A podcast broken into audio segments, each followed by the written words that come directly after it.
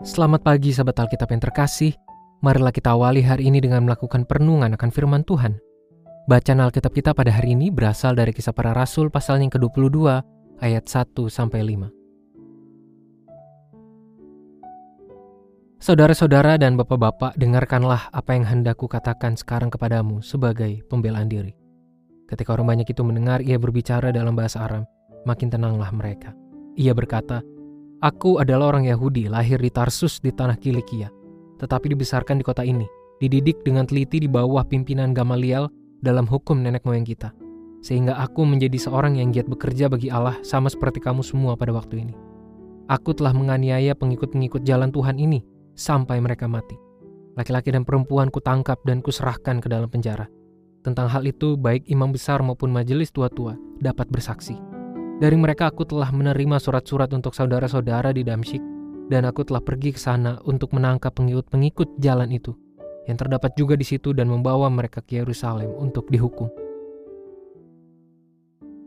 Bagian pembuka atau awal dari perkataan Paulus di hadapan orang-orang Yahudi masa itu merupakan sebuah langkah yang sangat cerdas dan tepat. Mengapa demikian? Pada ayat 1 5 ini kita dapat melihat cara Paulus membangun kredibilitasnya dengan memaparkan sejumlah fakta terkait dirinya yang ada hubungannya dengan identitas orang-orang banyak masa itu. Bahkan, tidak sekedar memaparkan sejumlah kemiripan, Paulus juga menghadirkan fakta latar belakang kehidupannya yang penuh dengan otoritas dan prestise. Hal ini pun berhasil mengaruhi orang banyak yang bersedia untuk menahan diri demi mendengarkan penjelasan dari Paulus. Apabila Paulus tidak melakukan hal tersebut, maka bisa saja ia masih sangat kesulitan untuk mendapatkan perhatian dari orang banyak dan kesempatan untuk memberikan penjelasan kepada mereka. Sahabat Alkitab, apabila kita melihat dan merenungkan bacaan ini dari perspektif mengenai kredibilitas di hadapan orang banyak, maka kita akan menemukan sebuah pesan yang sangat pragmatis untuk kita terapkan dalam hidup keseharian.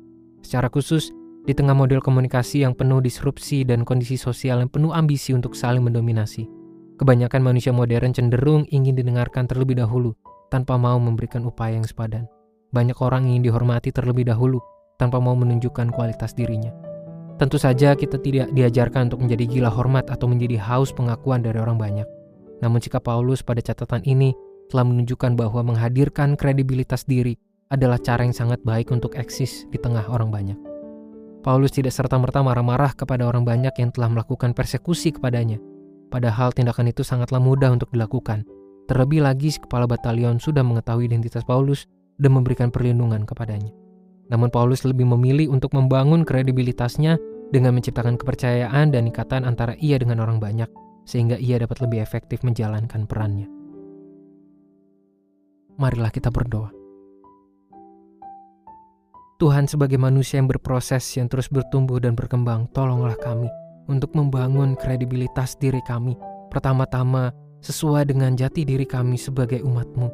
Biarlah kehadiran diri kami, di mana pun Tuhan menempatkan kami, boleh membangun kepercayaan, dan kami boleh menjalankan peran kami secara efektif. Hanya di dalam nama Tuhan kami Yesus Kristus kami berdoa dan menyerahkan kehidupan kami. Amin.